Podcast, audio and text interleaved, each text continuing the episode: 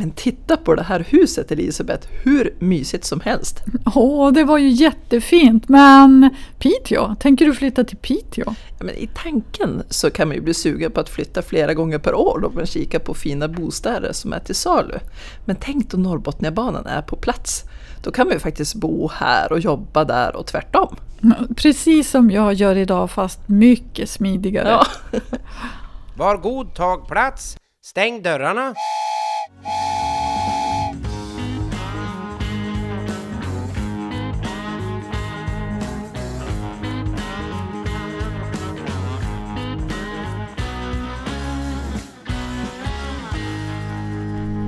Hej och hjärtligt välkomna till podden En bana tre spår och detta tredje avsnitt Det ska vara gott att leva.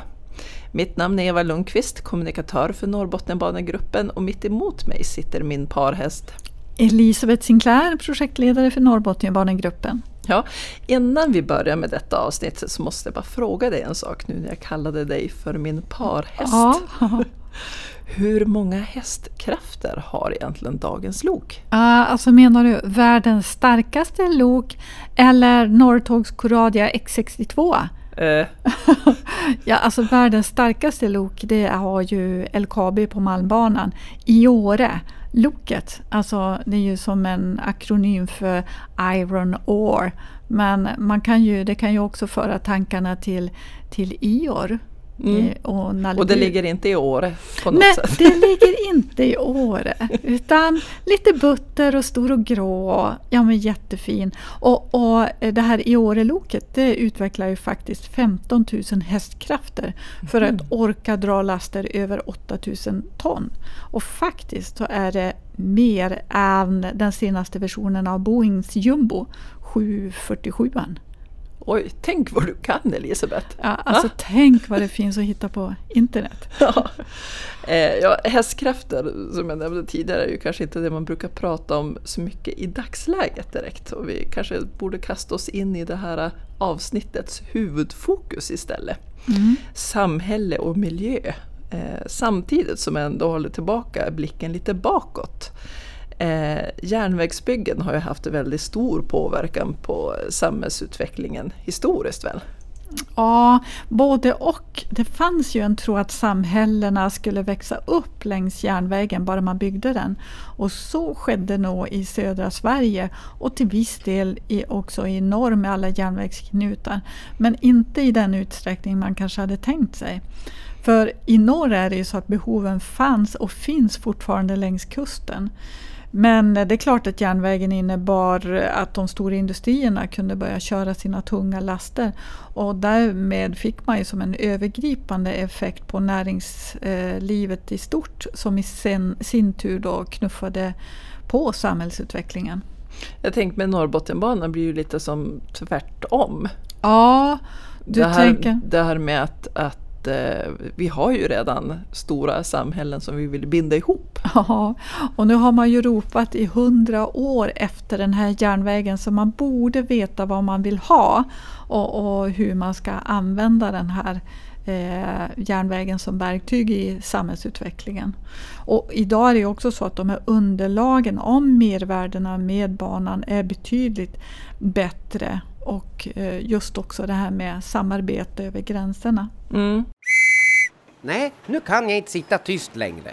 Jag befinner mig på mötesstationen i Laduberg, strax norr om Älvsbyn. Solen steker och det är varmt som min konservburk.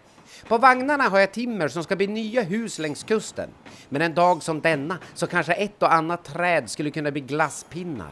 Visste ni att man kan få ut 2,2 miljoner glasspinnar ur ett träd? Men det måste vara bok, annars tar det smak och du får stickor i munnen. Men tänk ändå vilka smaker man skulle kunna få fram. Tänk en isglass med kvistfri pinne av fura och smak av tall. Eller varför inte gröpa ur en kotte och ha den som strut och strössla sen med barr. Åh, nu vet jag vilken min favoritglass skulle vara. En grangräddglass med tjockt knastrigt lager av granskott. Man måste våga tänka nytt! Hade jag haft en kyl här i loket skulle jag luta mig tillbaks i stolen och inte med en glassbåt med kola utan med en barkbåt med kåda. Jag tänkte vi nämnde ju i det första, eller i det förra ska jag säga, avsnittet om godset att eh, regionen önskade att stambanan skulle byggas efter kusten redan då, för hundra år sedan. Ja, just det. Jag tänker att det på något sätt har blivit ett moment 22 längs den norrländska kusten. Hur tänker, hur tänker du nu? Ja, men just den här felaktiga uppfattningen om att det inte bor så många i norra Sverige, den blir ju som förtydligad av att vi inte har en järnväg som binder ihop städerna. Mm. Samtidigt som att vi som bo här signalerar detsamma. För, för man tänker, ja men vi har ju ingen järnväg här, alltså kan vi inte vara så många som bor här. Okej, okay, jag, förstår, jag förstår hur du tänker. Men det är ju, vi har ju ett ganska bra underlag när det gäller orterna längs Norrbotniabanan. Mm. Om vi tittar specifikt på tätorterna, eh, de större tätorterna där tågen ska stanna, då har vi ju Luleå drygt 43 000, 23 000 i Piteå, drygt 35 000 i Skellefteå, ja, nästan 7 000 i Robertsfors och 86 000 i Umeå. Och tillsammans så blir det här 195 000 personer ungefär. Och så tar vi då och så tittar vi på någon järnvägssträcka söderut. Vi kan ta som är ungefär lika lång mm. som mellan Södertälje och Skövde, det är 30 mil. Då har vi Södertälje och då tittar vi på de orter där tåget stannar. Södertälje 71 000, Katrineholm 22 000, Skövde 36 000, nästan 37 000. Ja men de är 130 000 i det här stråken. Och de har restid på 1.44. Och vi kan titta ännu längre söderut, mellan Lund och Nässjö. Ja, men Lund har vi 91 000, Hässleholm 18 000, Älmhult 9 000, Alvesta 8 000, Nässjö 17 000. Ja, de ligger 143 000 i, i det här stråket. Så att, Alltså, de ligger ungefär 60-50 000 mindre till och med. Ja, om man räknar ihop tätorterna ja, bara ja, så att säga. Precis. Och det viktiga här det är ju liksom förstå att de här orterna i södra Sverige de är inte gigantiskt mycket större. Det är klart att de har ett större upptagningsområde mm. än vad vi har här uppe. Men samtidigt så tänker jag på den här mannen som i södra Sverige sa att ja, men, eh, du ska inte tro att bara för att jag har två mil till järnvägsstationen att jag tar tåget för den skullen. För jag har redan satt mig i bilen och börjat köra. Så de har precis, de, kommer, de jobbar med samma problem som kanske vi också har. Och grejen, det är därför som man vill ha så genomgående lösningar av järnvägen genom städer. För att har man längre än två kilometer till järnvägsstation, då börjar kampen mot bilnyckeln. Just det. Och jag tänker att, att eh, ja, men som sträckan nu mellan eh, Södertälje och Skövde till exempel, som mm. du nämnde tidigare. Det är ju klart att de ska ha järnväg däremellan. Det är ju självklart och lika självklart borde det vara att Norrbotniabanan ska finnas. Ja, man kan ju bara ta det här exemplet om man tittar på att åka tåg från mm. Stockholm till Luleå. Om man tittar i tågtidtabellen så tar det sex timmar längre att åka tåg från Stockholm till Luleå jämfört med restiden till Umeå. Alltså de sista 27 milen mellan Stockholm och Luleå tar alltså sex timmar. Och, och då kan man jämföra här med andra, andra sträckor ja, men den här 1.44 ja. och här tar det sex timmar då med tåg. Eller om man tar sträckan Stockholm-Göteborg som är 47 mil och tar tre timmar och 15 minuter. Mm. Alltså, vi säger ju inte att man, ska, att man inte ska ha de där järnvägssträckorna i södra Sverige. Men vi ska ju naturligtvis ha dem här. Ja men absolut. Nu sitter jag här och blir otålig, frustrerad och eh, lite upprörd med tanke på att vi inte har denna, denna järnväg redan idag. Eh, så att jag tror jag hoppar, hoppar vidare i samtalet till när järnvägssträckningen ska bli lite mer fysisk. Ja. Och det är ju rätt så lång planeringsprocess. Jag kan tänka mig att för hundra år sedan när stambanan genom övre Norrland skulle byggas att det inte riktigt var samma typ av process. Nej, vad jag har fått mig berättat så jag, jag, jag, kan inte garantera att det var så här men så var det två, tre män som i ett eget rum som drog upp linjer för den här järnvägen, vart den skulle gå och så. Och ytterst sällan så kanske ändrar man sig, det var inga samråd eller något sånt där. Däremot så um, har jag hört talas om en bygd som sa att vi vill inte ha någon järnvägs, järnvägsknut här för vi vet att när rallarna kommer så tar de våra döttrar och så flyttar de härifrån. Så då var man snäll och så sa man okej okay, vi lägger den här järnvägsknuten i nästa by. Och vad hände då? Jo men alla flyttade till den här järnvägsknuten för där fanns ju jobben och så. så att, eh, tyvärr så försvann ju folk ändå från den här orten som hade tackat nej till, till järnvägen. Ja, det, men där ser man ändå hur, hur så stor påverkan järnvägsbygget har. Alltså Ja. från, från start till mål också.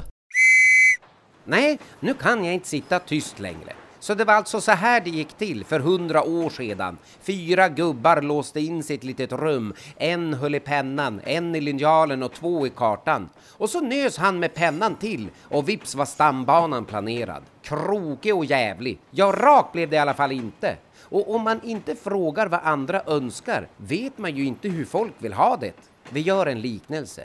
Om de här fyra gubbarna låste in sig i ett rum för att göra glass en dag som denna så kläcker en ägg, en häller i socker och två häller i grädde. Och vips är glassen klar, men utan smak. Ja, vad lär vi oss av det här? Jo, gubbar ska inte låsa in sig i små rum och bestämma allt, för det kan bli väldigt fel och smaklöst. När Norrbotniabanans dragning ska göras sker ett samrådsmöte.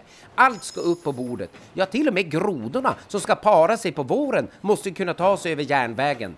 Så kvack, kvack! Alla som vill ha nödutgångar under banvallen räcker upp ett grodlår nu! Men planeringen av järnvägens dragning väcker ju fortfarande starka känslor och vi har kunnat läsa i tidningarna de senaste veckorna Så är om, det. om en del exempel på det. Eh, men jag tänker man måste ju vara engagerad i processen och det är ju, det är ju väldigt viktigt. Dels för att man ska kunna få fram sina egna önskemål och dels för att Trafikverket eh, också behöver allt underlag de kan få för att det ska bli så bra som möjligt. Ja, ja. Och, och, eh, alltså om vi tittar i det stora hela perspektivet så, så kommer det att bli bättre än vad det är idag. Även om man kanske inte kan ta hänsyn till alla önskemål som, som kommer, kommer in. Mm. Men eh, det är många steg som man ska igenom och avstämningar det sker ju kontinuerligt både med näringsliv och allmänhet. Bland annat genom samrådsmöten som, som du jobbar ganska mycket med för Skellefteås räkning. Ja, precis. Men eh, planeringsprocessen är ju hur viktig som helst. Mm. Och eh, hur, hur man planerar har ju som ändrats över tid lite grann. Att just det där med tvåstegsplaneringen. Ja, eh, idag så planerar man ju kanske liksom från början till slut. Men när vi började med Norrbotniabanan så då kan man säga att det var som två steg här på slutet. Det ena det var att man drar upp en korridor längs kusten i vilken järnvägen sen i nästa planeringsfas, järnvägsplanen, eh, ska, som järnvägen ska placeras i. Men i och med att vi hade liksom den uppdelningen förut så var det ju så att eh, dels lyftes vi ur den nationella transportplanen 2007 men med gemensamma krafter med kommuner och regioner och Trafikverket så kunde vi göra färdigt de här järnvägskorridorerna och jag tror att allihop var klara 2011. Mm. Men sen blev det ju stopp i planeringsprocessen och Trafikverket fick lägga ner sin egen eh, Norrbotniabanegrupp och Eh, första först 2015 så kunde man återuppta det här igen. Och när det blir så eh, att de här järnvägskorridorerna ligger utlagda så blir det, hämmar det samhällsutvecklingen för de här korridorerna skyddas enligt lag. Mm.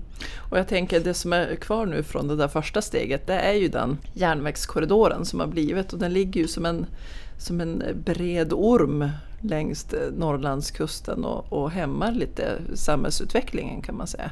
Ja men, ja, men så är det verkligen. Alltså, vi har haft flera eh, tillfällen där företagare har avstått att etablera eh, sig på en ort eftersom korridoren ibland går genom ett attraktivt eh, industriområde. Och eh, det är ju så att om jag bygger inom en korridor då får jag själv stå för rivningskostnader om det är så att järnvägen så småningom hamnar där. Och i Piteå så var det ett exempel om det var 2012-2013 där ett företag ville etablera sig men kunde inte göra det på grund av att järnvägskorridoren gick genom det här området. Så det här företaget flyttade till en annan ort och då förlorade Piteå då 29 Eh, 29 arbetstillfällen på ett enda bräde och det är ju inget kul. Nej, det är ju väldigt, väldigt trist. Eh, och jag tänkte de här turerna som har varit kring eh, projektet och, och processen kan man ju följa på eh, vår kampanjsida byggnorrbotniabanan.nu där vi tar upp de här politiska turerna fram och tillbaka. Och, och vi kan också rekommendera Trafikverkets webbsida för Norrbotniabanan där man kan följa planeringsprocessen eh, allt eftersom den fortlöper. Och där finns det också kartor att titta på, de dragningar av järnvägen som föreslås och man kan också se de här järnvägskorridorerna. Sen har ju Trafikverket också en Facebook-sida om, om Norrbotniabanan. Mm. Eh, och det är ju verkligen i Trafikverkets kanaler som man får bra koll på nuläget. Eh, och lite på tal om läge så vandrar mina tankar till det jag kikade på när vi träffades nu tidigare. Eh, det här med att man med Norrbotniabanan på plats kan bo på en, i en stad och jobba i en annan. Att det bidrar till andra flöden och möjligheter. Ja, just det. Jag, jag såg att du kikade på Lusthusbacken i Piteå och det är ju ett så vackert namn så vem vill inte bo där? Ja men precis. Men, men då, då börjar jag ju som tänka, tänk om alla kommer på att de vill bo just i Piteå. Till exempel. Att, att ena parten jobbar i Skellefteå och den andra i Luleå men vi vill bo i Piteå. Eh, finns det inte en risk för att det kanske blir en obalans mellan städerna längs kusten?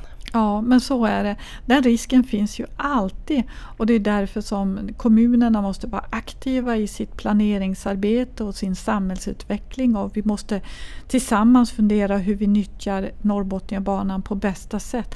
Och detta med samarbete, Mm. hur viktigt som helst. Och på tal om samarbete mellan regionerna, jag, jag kan faktiskt fortfarande bli rörd då jag tänker på sammanslutningen som var gällande Northvolts etablering i Skellefteå. Ja, du tänker på annonskampanjen då kommunerna från Övik i söder till Haparanda i norr stod med som avsändare. Det var ju helt fantastiskt. Men precis. Jag måste bara få läsa den sista meningen i annonsen högt. Eh, så här står det. Här växer ett kluster för den nya hållbara industrin fram och vi står starka tillsammans mitt i en region som stödjer oss. Ja, så, sånt vill vi ha mera av. Det blir, tillsammans blir man alltid starkare. Ja men precis. Eh, jag tänker att Norrbotniabanan leder ju i sin tur även till ökat bostadsbyggande, så faktiskt en nytta eh, även nationellt. Hur ser egentligen kommunernas planering ut gällande det från, från söder till norr? Ja, det som är lite speciellt det är ju att över 30 års förväntningar på Norrbotniabanan det gör ju att en stor del av bostadsbyggandet redan ligger i kommunernas bostadsförsörjningsplaner. Alltså över 42 000 bostäder ska byggas fram till 2035 och när vi gjorde den senaste uppdateringen så tillkommer det ytterligare 7000 bostäder tack vare Norrbotniabanan.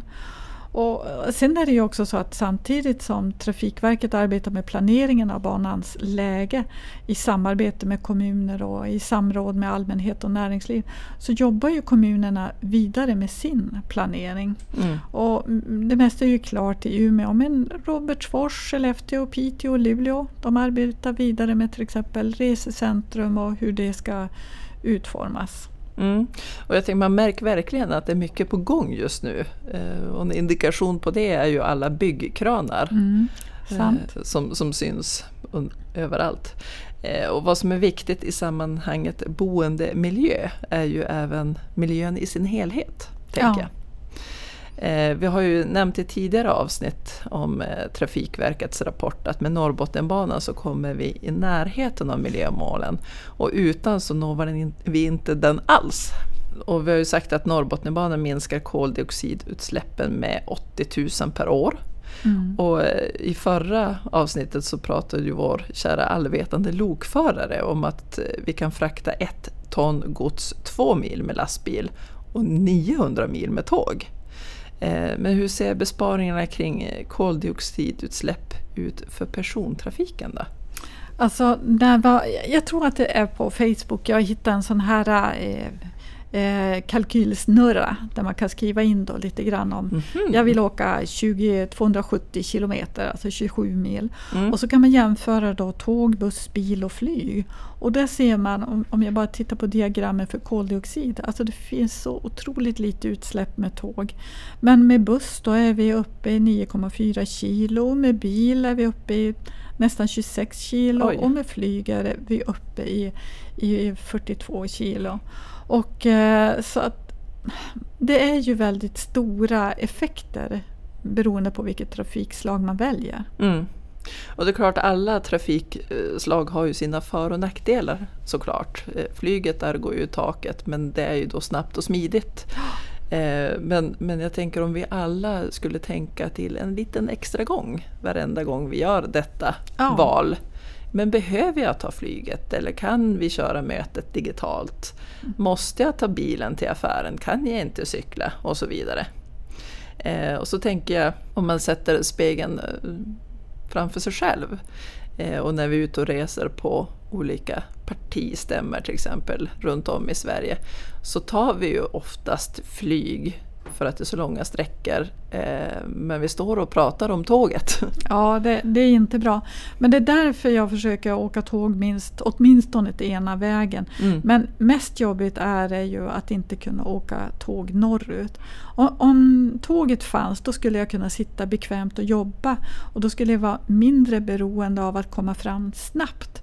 Men nu hinner jag inte med första bussen till Umeå så jag är inte i tid i, till jobbet i Skellefteå. Jag kan inte sitta och jobba på bussen och så tar det jättelång tid och man kan bara sitta och åka. Men det är klart att jag tar bussen ibland också och Mm. det är ju lite säkrare än med bil också kan jag ju tänka den här morgonen när jag hade en eh, närkontakt med ett rådjur. Ja, alltså vad, vad som helst kan ju faktiskt hända Mm. på vägen så att säga. Och det, det låter ju också som att du har en, eh, lite av klimatångest, även du. Jo men så, så är det nog. Och jag läste nyss en mätning från SIFO om att nästan hälften av svenskarna uppger att de oroar sig för klimatet en gång i veckan eller oftare. Mhm. Och framförallt är det unga kvinnor i åldern 16 till 29 år.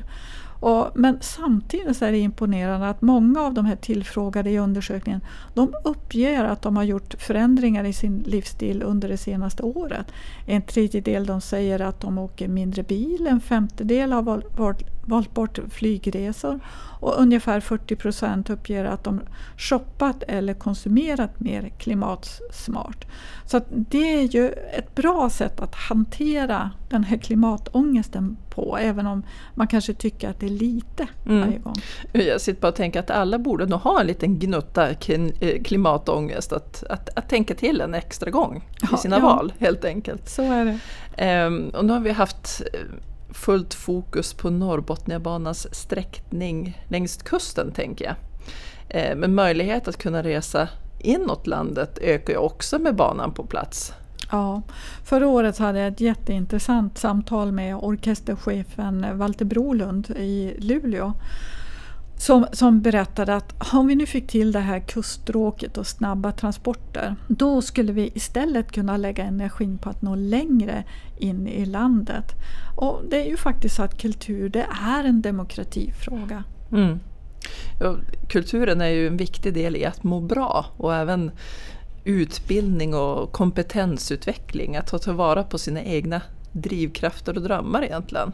Ja, Det kanske är något som vi bör dyka ner i, i nästa avsnitt. Absolut, att, att vi tar klivet mot drivet. Ja. Eller jag, jag menar att fokus på oss människor och det som gör att vi mår riktigt bra. Ja, för just i det här avsnittet har vi mer eh, dykt ner i förutsättningarna för ett gott liv. Eh, samhällsbygge, miljö och, och samverkan. I det här att det ska vara, det ska vara gott att leva. Eh, om du har några frågor eh, kring avsnittet eller i övrigt så är det bara att du hör av dig till info.norrbotniabanan.se och sen så kan du i vanlig ordning läsa blogginlägget eh, som kompletterar det här avsnittet på norrbotniabanan.se. Och eh, har det nu så fint i försommargrönskan så hoppas jag att vi hörs snart igen. Ha det bra, hej Ha då! Hej! Klockan är slagen, var god tag plats, stäng dörrarna.